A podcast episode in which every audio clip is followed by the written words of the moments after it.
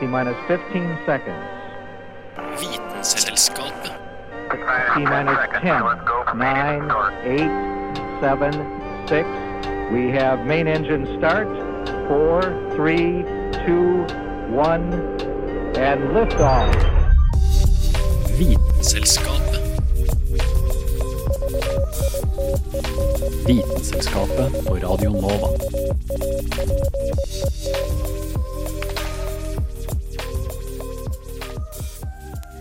Her om dagen kom jeg borti et glass som sto på bordet mens jeg støvsuga, og selvfølgelig datt det jo ned, og selvfølgelig knustes det, og det ble tusen knas. Og jeg skjønte ikke helt hvorfor i vide verden ble dette glasset så sykt pulverisert, mens andre glass ofte blir i litt mindre biter. Ja, Det får vi snart svaret på. Du hører på Vitenselskapet, og jeg heter Ida Katrine Vassbotn, og i denne sendinga skal vi ha om nemlig glass. Og Da skal du få høre annet om dop som er litt glasslignende, eller folk som tror de er glass, eller veldig snart skal du få høre nettopp det hvorfor blir noe glass knust så mye mindre enn annet glass. Å vite vet Vitenselskapet.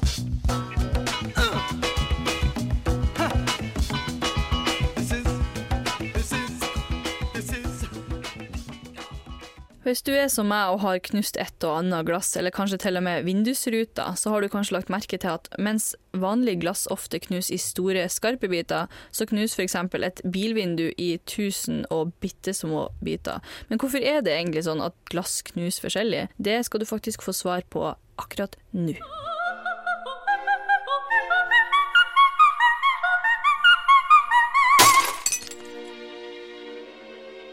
Ja, det er det evige spørsmålet. Kan man knuse glass med stemmen? Til glede for alle dere tegneserie- og filmentusiaster der ute, så er svaret selvfølgelig ja. Når du plinger på et glass, kan du faktisk høre glassets egen tone. Glassets egen frekvens. Det vil si at det er tonen som glasset svinger med.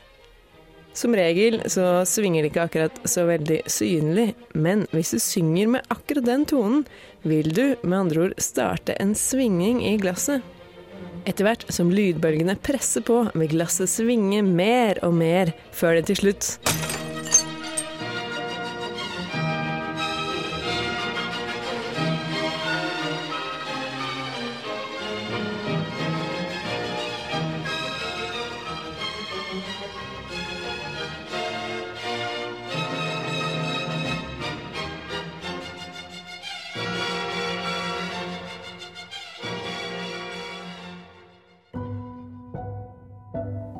Men la oss være ærlige.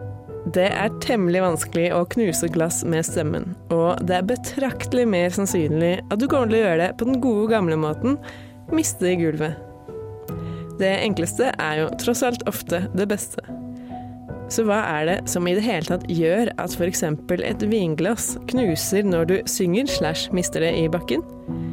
Vel, glass er skjørt. Men det visste du vel fra før. Det er imidlertid skjørt fordi det er sprøtt. Når du spretter en ball i bakken, vil denne sprette tilbake igjen fordi den er laget av et elastisk materiale. Et glass er ikke elastisk. Man kan si at glass sin strekkgrense er mindre enn glassets bruddstyrke. Kort sagt betyr det at glasset kommer til å brytes i biter lenge før det strekker seg, og du må feie opp resultatet. Hvor mange biter? Det kommer litt an på hvordan det knuses, men i enda større grad kommer det an på hvor mye spenning det var i glasset da det knuste. Du har kanskje lest om dusjkabinetter som eksploderer. Det er i hvert fall et sånt fenomen som skjer ganske sjelden, men som det nesten alltid lages sak på når det først skjer. Når en dusjdør knuses, blir det nemlig ikke sånne store, skarpe skår som når du mister et glass. Som regel pulveriseres hele døra i masse, masse små, ganske firkanta biter. Granulerer, som det heter. Og grunnen til at de knuser på denne måten, er at de som regel er laga av herda glass. Og herdeglass har mye med temperatur under produksjonen å gjøre. For å herde glasset så kjøles den raskt, og overflaten på glasset blir fortere kald, så den stivner. Men midten av glasset bruker litt lengre tid, så når den til slutt kjøler seg ned og trekker seg sammen, trekker den også på det ytre laget av glassplata og skaper en stor spenning i selve glasset. Dette gjør at herda glass er mange ganger sterkere enn vanlig glass, men også at det er under konstant stress. Hvis de indre spenningene utløses, så granulerer glasset. Eller eksploderer, som du ville sagt om du jobba i media. Jo større spenning det er i glasset, desto mindre blir bitene når glasset knuses. Dette forklarer hvorfor vinglasset ditt knuste i sånn fem biter, mens dusjdøra ble til fem millioner glitrende krystaller.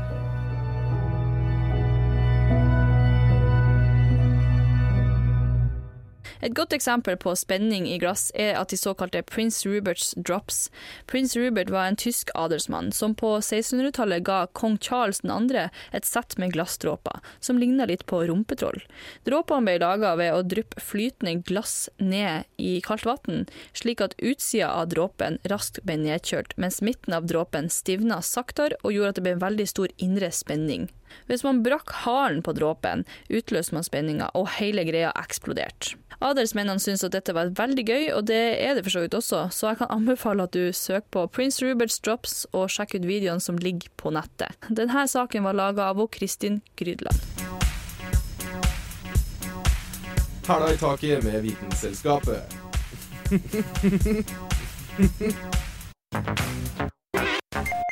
Hvis du skal gjøre noe skummelt, og noen skal liksom hype deg opp og få deg med på det, så spør de kanskje hva er du laga av? Så er det jo regel for å spørre om du er tøff eller ikke. Men noen vil kanskje gi deg et svar du ikke ville trodd. Jo, du, eh, jeg er laga av eh, glass. Har du ei grandtante som støtt uffa seg for plagene sine? Den bilturen var tøff, hun overlevde så vidt. Det ene kneet må du ikke være borti. Det har vært vondt siden 95. Alt er så skjørt, en må ta på seg silkehansker. Skulle tro hun var laget av glass, ikke sant? Det rare er at det er noen folk som faktisk tror at de er laget av glass. Glass delusion, på godt norsk glassvrangforestilling, går ut på at du tror at du er helt bokstavelig laget av glass. Følgene av det her er lett å skjønne. Du blir utrolig redd for å knuse. Kontakt med mennesker kan du glemme. Hvem har aldri knust et vannglass?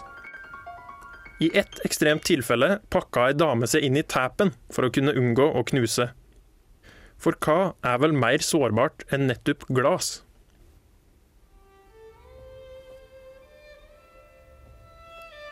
Folk har trodd at de har vært logget av glass i lange tider. Den mest kjente kasusen i historien er Carl den 6. av Frankrike. Han hadde tilnavnet Carl den elskede, men mer treffende var kanskje det alternative Carl den gale. Kongen levde rundt 1400 og var riv ruskende tullete mesteparten av livet. Han trodde bl.a. en liten stund at han var Sankt Georg, dragedreperen. Inga ringere kilde enn paven kunne fortelle om at kong Karl trodde han var laget av glass. Pave Pius 2. beskrev kongen sitt mildt sagt uvanlige forhold til bestanddelene sine. Kongen hadde visstnok begynt å sy gjensteng inn i klærne sine, for sånn å kunne forhindre å gå i tusen knas. Jeg kan nok tenke meg litt mindre upraktiske løsninger, men er du gal, er du gal. Rundt 1400 er det ikke så rart at folk trodde de var laget av glass, når de først skulle tro at de var laget av noe annet enn kjøtt og blod. Glass var nemlig fortsatt veldig sjelda, og ansett som noe nesten overjordisk. I dag er oss umringa av glass, men det er fortsatt noen få tilfeller som blir rapportert. Ei sak er illustrerende.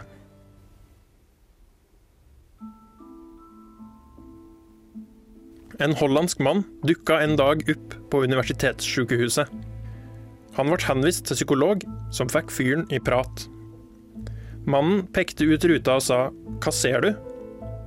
Nei, ei gate, noen biler, bygninger, svarte psykologen. Der ser du, svarte pasienten. Sånn føler jeg meg. Jeg er der samtidig som jeg ikke er der. Akkurat som ruta. Hva som fører til denne tilstanden er vanskelig å si, og vil variere fra tilfelle til tilfelle. Men det antatte fellestrekket er at det er en ekstrem versjon for sosial angst. Er det ikke nettopp å føle seg knuselig og kunne dette fra hverandre framfor andre ved ett lite feilsteg, som er rota i det oss alle kjenner litt på iblant? Eller kanskje oss føler oss gjennomsiktige, oversett i en hektisk og inntrykksfylt verden. Jeg veit i hvert fall at jeg er laga av skinn og bein.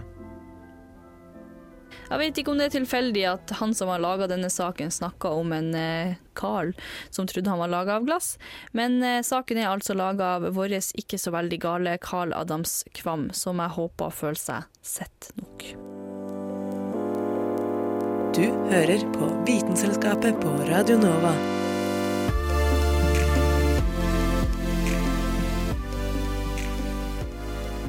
Ja, og med meg inn i studio nå, så har jeg fått ei ung dame. Velkommen. Hallo, Og du tusen takk. er? Jeg heter Sunniva. Ja, eh, Sunniva, hva skal du bidra med i dag? Nei, i dag så skal jeg komme med litt nyheter eh, innenfor vitenskapen, da. Så litt om eh, urmenneskene, holdt jeg på. Om klamydia og kjønnssykdommer òg, Ah, Oh, yes. Men jeg håper ikke nyheten om klamydia er at du skal fortelle oss noe personlig. Og jeg kan heldigvis, eh, så vidt jeg vet, så er, kommer det heldigvis ikke noe Ja, noe sånt fra Noe min sånt fra eh, Jeg har ikke noen jeg skal uh, calle ut her. Nei, du skal ikke out noen, noen som må sagt seg. Men uh, vi skal i hvert fall eh, snakke om noe som jeg håper du ikke har gjort. Uh, altså, har du hørt om ice, speed, meth, glass, eller altså, kjært barn har mange navn. Det er jo da et dop vi skal snakke om. Jeg håper ikke du kjenner altfor godt til det. Nei, jeg har jo sett på Breaking Bad, da, men jeg tror det er der eh, det stopper for min del. Det er der det stopper, ja. Men det,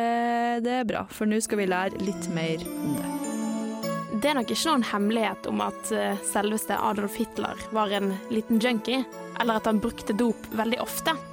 Og hans favorittdop skulle nok ha vært pervitin, som er et metamfetaminlignende stoff. Dette stoffet ga han også ut til soldatene sine under eh, andre verdenskrig, for at de ikke skulle bli stresset, slippe å spise og holde seg våken over en lengre tid. Metamfetamin er nemlig et sentralstimulerende narkotikum, noe som betyr at det øker aktiviteten i hjernen din og demper tretthet, tørste og sultfølelse. Bruk av metamfetamin kan gi en euforisk følelse. Denne følelsen kommer av at kroppen bl.a. slipper ut mye dopamin, som man kan kalle for kroppens lykkehormon. Dopet fungerer altså på de delene av hjernen som er involvert i tilfredsstillelse. Så rusen med metamfetamin er mer eller mindre at man føler seg veldig bra, glad og lykkelig. Man blir også mer pratsom, får høyere selvfølelse, økt våkenhet og nedsatt appetitt. Med disse effektene så blir ofte metamfetamin misbrukt som slankemiddel, eller for folk som skulle ønske det var flere timer i en dag. Som f.eks. studenter og foreldre. It's easy to find online forums populated by working mothers who use the drug to give themselves energy to get through the day. See, kids eliminate the opportunity for sleep, and meth eliminates the need for sleep. Kids and meth, a match made in heaven. Men det er jo en bakside med dette stoffet også. Som nevnt så vil stoffet redusere tretthetsfølelsen.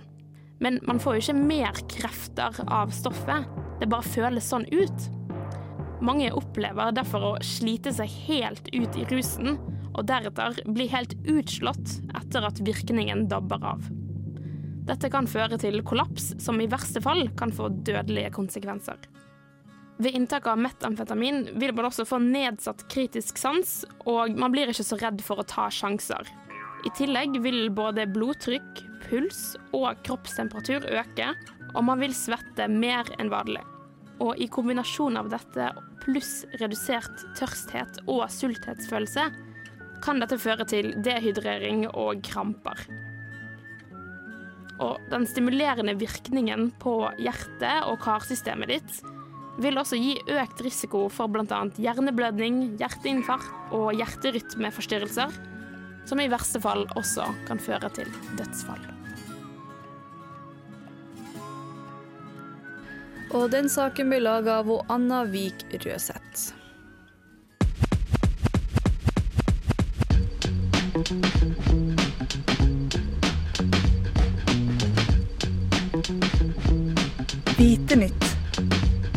Det du trenger å vite.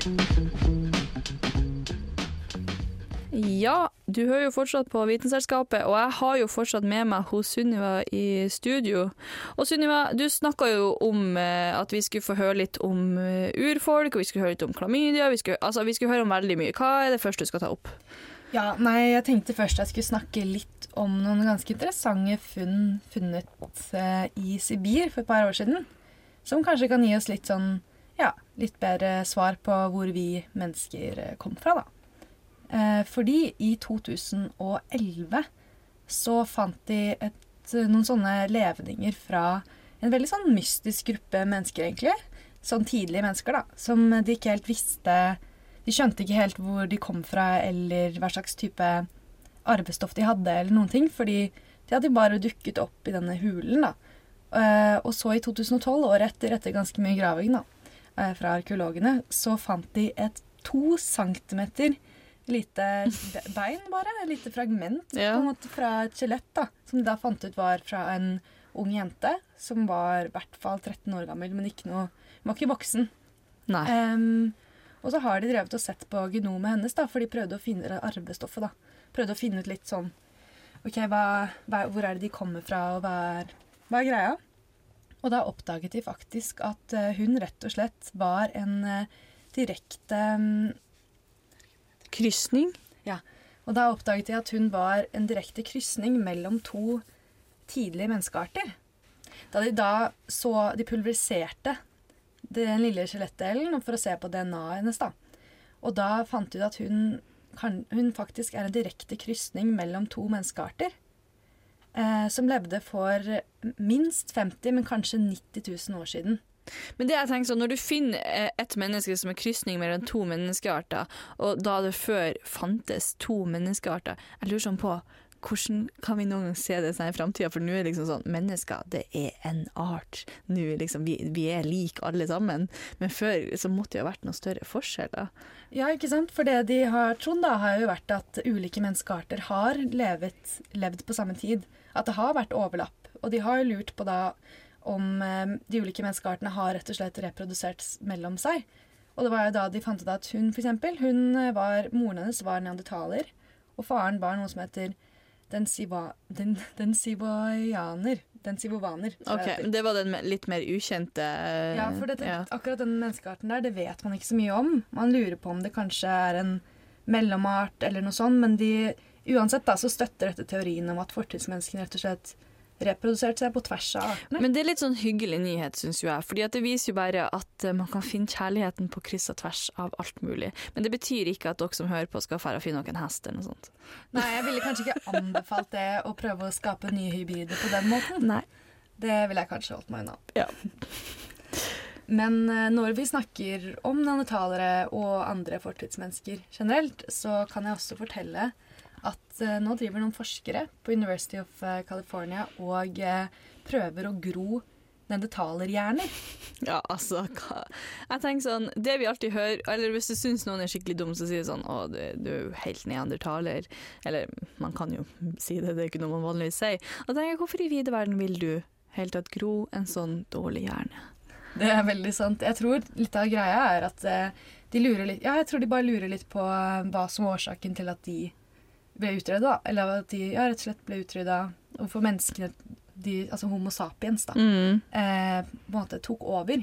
Ja. Eh, Finne ut hvorfor neandertalerne ikke var bra nok til å overleve så mye som vi har gjort, med andre ord. ja, fordi de ser jo da at Eller det de vet jo, er jo at eh, neandertalerne hadde større hjerner. Men okay. de har sett på om de kanskje kan være rett og slett de sosiale At de hadde litt bedre, dårligere social skills, da, rett og slett. Å herregud, eh, ikke si sånn, nå blir jeg bekymra. Ja, eh, Ja, kanskje det er noen uh, Burde kanskje ikke sjekke denne sitt uh, Ikke sjekk det for nøye hvis du føler deg litt sånn awkward i sosiale settinger. Kanskje du er neandertaler. Rett og slett. Det, man vet jo ikke. Nei, men det blir faktisk spennende å se. Men du nevnte tidligere at du skulle snakke litt om klamydia, og da sa du at du ikke skulle oute noen, du skulle ikke be noen om å sjekke seg, og da lurer jeg på hva, hva skjer med klamydia for tida? Ja, det må jeg bare si en disclaimer. Det kommer ikke noe Trenger ikke å skru av nå. Det går helt fint. Det blir ikke noe kleine moments. Nei, nei, nei. Um, jo, det var det som jeg syns var interessant, da, som jeg leste her om dagen, var jo at uh, klamydia er jo veldig vanlig. Uh, I fjor Det er blitt veldig, veldig vanlig sånn Ja. folkesykdom, nærmest. Ja, for det var det som overrasket egentlig meg. Jeg har alltid hørt det. Men så leste jeg da at i 2017 så ble faktisk 25 130 mennesker i Norge, menn og kvinner, eller altså det vil si fem, fem stykker per 1000 innbygger, fikk påvist eh, klamydia. Ja. Og ja, litt dårlig nyhet er jo at eh, den høyest, de fant ut at eh, høyest fremkomst, eh, forekomst var jo da i Oslo i år. Ja, det er jo mest Eh, folk her, da. Det skal jo sies. Tja, nei, det var faktisk i forhold til folketallet. OK. Så tidligere så var det faktisk i, i Troms, tror jeg, og andre, andre fylker hvor det var Ja. høyest forekomst sånn sett i Mm. forhold til folketallet, da. Men nå er det i Oslo, dessverre. Så det er ikke så kult. Bare, Nei. Det er ikke noe vi kan være stolte av. Um, Og det er kanskje en grunn for at det har kommet fra, fra Helsedirektoratet putt dong på din pip. Ja. Ja. Tips. Nei, fordi det som er litt av det kjipe med denne sykdommen, er jo at Eller det er jo bra, de fleste får ikke noen symptomer. Men da er det også mye lettere å smitte andre, Mm. fordi du ikke vet at du har det, rett og slett. Pluss at du kan jo bli steril. Ja, det er nettopp det som er problemet. At hvis ikke du får det behandla, så har du kanskje ikke noen symptomer. Og så kan det gjøre at du får infeksjon da, på eggstokkene, eller egglederne, da blir det. Mm. Eller på testiklene. I Mm. Så det er jo litt kjipt å føre til nedsatt reproduksjonsevne. Eh, men det er jo hovedsakelig unge, unge som rammes, det vet vi jo. Det, jeg tror de siste ti år, årene eller noe sånt, så har det faktisk eh, forekomsten blant, for, i, forekomsten blant de 50 pluss da, har faktisk doblet seg. Eh, hvor da det er selvfølgelig, ikke selvfølgelig, da, men det er flest menn på den siden, da. Eh, og det tror forskere rett og slett er fordi menn ofte er med yngre kvinner. Og- Ja, men fysj. Ja, OK. Jeg tror vi er ferdig med det her. Jeg klarer ikke å Nei. snakke mer om det her. Voksne menn med klamydia. Nei, uff. Så jeg tror bare jeg har en liksom sånn eh, tips, da. Ja. Eh, ta og sjekk deg uansett hvor gammel du er. Sjekk deg, og først og fremst vær nå litt forsiktig på forhånd og bruk kondom. Vitenselskapet. Vitenselskap. Vitenselskapet. Vitenselskapet. Men vi skal også ta en tur ut i verdensrommet, og hva glass har der å gjøre, det får du høre veldig snart. Vi har begynt å bli ganske flinke til å bygge teleskoper, vi mennesker. Både de vi har stående i enorme strukturer her nede på bakken, men kanskje spesielt de vi stropper fast på raketter og sender ut i bane i verdensrommet. Gjennom disse har vi oppdaget utallige nye planeter og stjerner der ute, og listen bare fortsetter og fortsetter. Vår reise i dag går gjennom ett av disse teleskopene, til solsystemet Vulpecula, eller Reven som det er mest kjent som. Og i denne siste revejakta har vi siktet vårt godt planta på HD 189 733b. Planeten med det sjarmerende navnet vi alle kjenner igjen. HD 189 733b ser veldig lik ut vår egen planet, egentlig. Blå og fin, og er sånn sett innbydende for oss drømmere som håper å finne en planet lik vår egen å kolonisere. Det er bare ett problem. Eller flere, men de kommer vi tilbake til. Den flyter rundt revestjerna i en litt for klengete bane.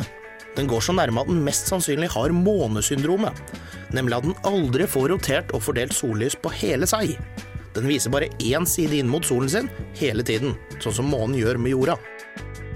Da blir jo den siden veldig varm også, og på den andre siden så har du et altomslukende mørke. Men skulle du likevel ønske deg til denne blå planeten, så er det flere utfordringer i vente også. Den er nemlig større enn Jupiter, så gravitasjonen kommer til å være en utfordring. Hvis du allerede føler deg litt tjukk her nede på jorda, så kan du gange det med tre, og da blir det kjipt å skulle bevege seg. Ikke er det noe å bevege seg på heller, for hele planeten er i gassform. Temperaturen er i tillegg hele tiden over kokepunktet, men det kompenserer den for så vidt med, med å regne deilig flytende glass. Herlig. Men hvorfor den er blå, det er vanskelig å si, for den har jo ingen fast masse, og derav ikke hav. Forskerne spekulerer om det er blått nordlys vi ser, eller HD 189 733b polskinn. Det blir vel mer riktig. Dessuten, i tillegg til revestjerna den går i bane rundt, er det sterke beviser for at det befinner seg en rød dverg i nærheten. Det er alltid noe å være obs på. Så vi har funnet en blå planet. Det er alltid lovende. Men med glassregn, røde dverger, ikke noe sted å sette seg ned for å slappe av, så får vi nesten leite videre. Selv om navnet bare ruller av tunga. HD 189 733 B.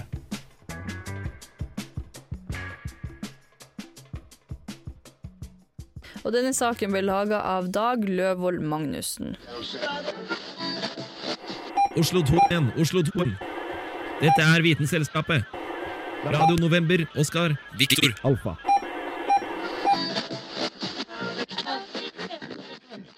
Men eh, hvis du fortsatt bor på en plass hvor det er varmt nok til å bade, eller du står igjen etter sommeren og lurer på ikke nødvendigvis hvor glassmanetene og brannmanetene har foren, men hvis du lurer på hvordan de lever og hva de er for noe, og ja, hva de driver på med om dagene, så skal du få høre det nå. Det er sensommer.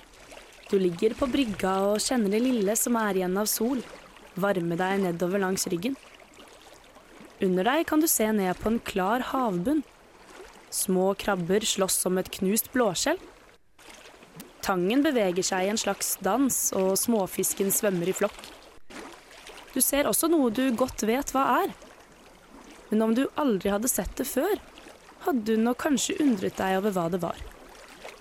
Er det en glassbolle som har blitt skylt ut i havet? Er det en plastpose eller en klump med gjennomsiktig gelé?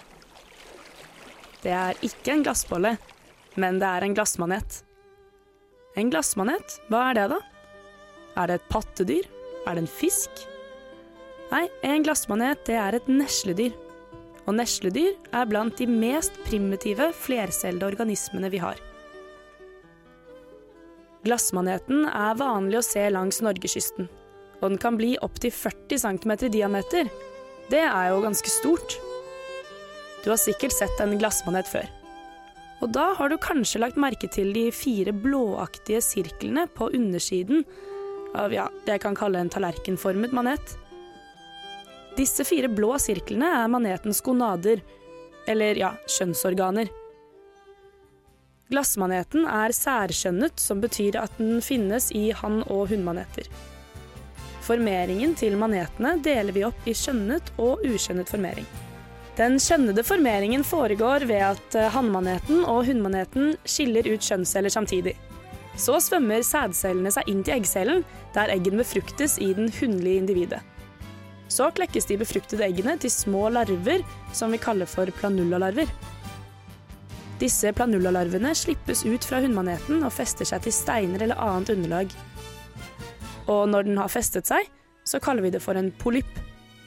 Etter polyppene har festet seg til bakken, så begynner den å dele seg ved knoppskyting. Og etter hvert som den slår knopp og knopp og knopp, blir det til en trobila. Dette kan ligne litt på en stabel med tallerkener. Etter hvert som denne stabelen har blitt til en høy, ferdigvokst stabel med mange maneter oppå hverandre, slipper manetene, ja, eller tallerkenene, taket, og svømmer én etter én av gårde som små, ferdige maneter. Denne siste delen, etter at eh, larven har sluppet løs, er det vi kaller for den uskjønne delen av glassmanetenes formering. Mange tenker kanskje farlig eller brennende når de hører ordet manet. Men neslecellene i glassmaneten er svake og brenner ikke på menneskehud. Det de derimot er sterke nok til, er å lamme organismene som maneten lever av. Som hovedsakelig er mikroskopisk plankton, men kan faktisk også være små fisk. Maneter er noen rare skapninger. De har verken hjerte, blod eller øyne. Men de har nå holdt ut lenger enn mange andre arter har. Manetene har faktisk levd på jorda helt siden før dinosaurene. Det synes i alle fall jeg er veldig kult. Det var Aurora Caroline Thommessen som hadde laga denne saken.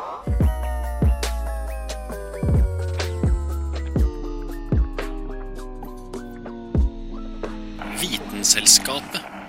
Og det var alt vi hadde tid til her i denne halvtimen med Vitenselskapet. Og for da om vi har kalla fortidsfolk for urfolk, og vi har eh, sagt litt sånn forskjellige ting, og vi har vært litt her og der, så håper jeg at du har lært noe nytt om glass og litt de her andre tingene vi snakker om.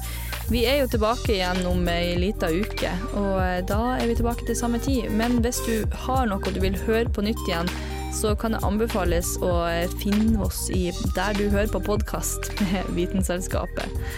Jeg heter Ida Katrine Vassbotn. Takk for at du hørte på. Ha det bra.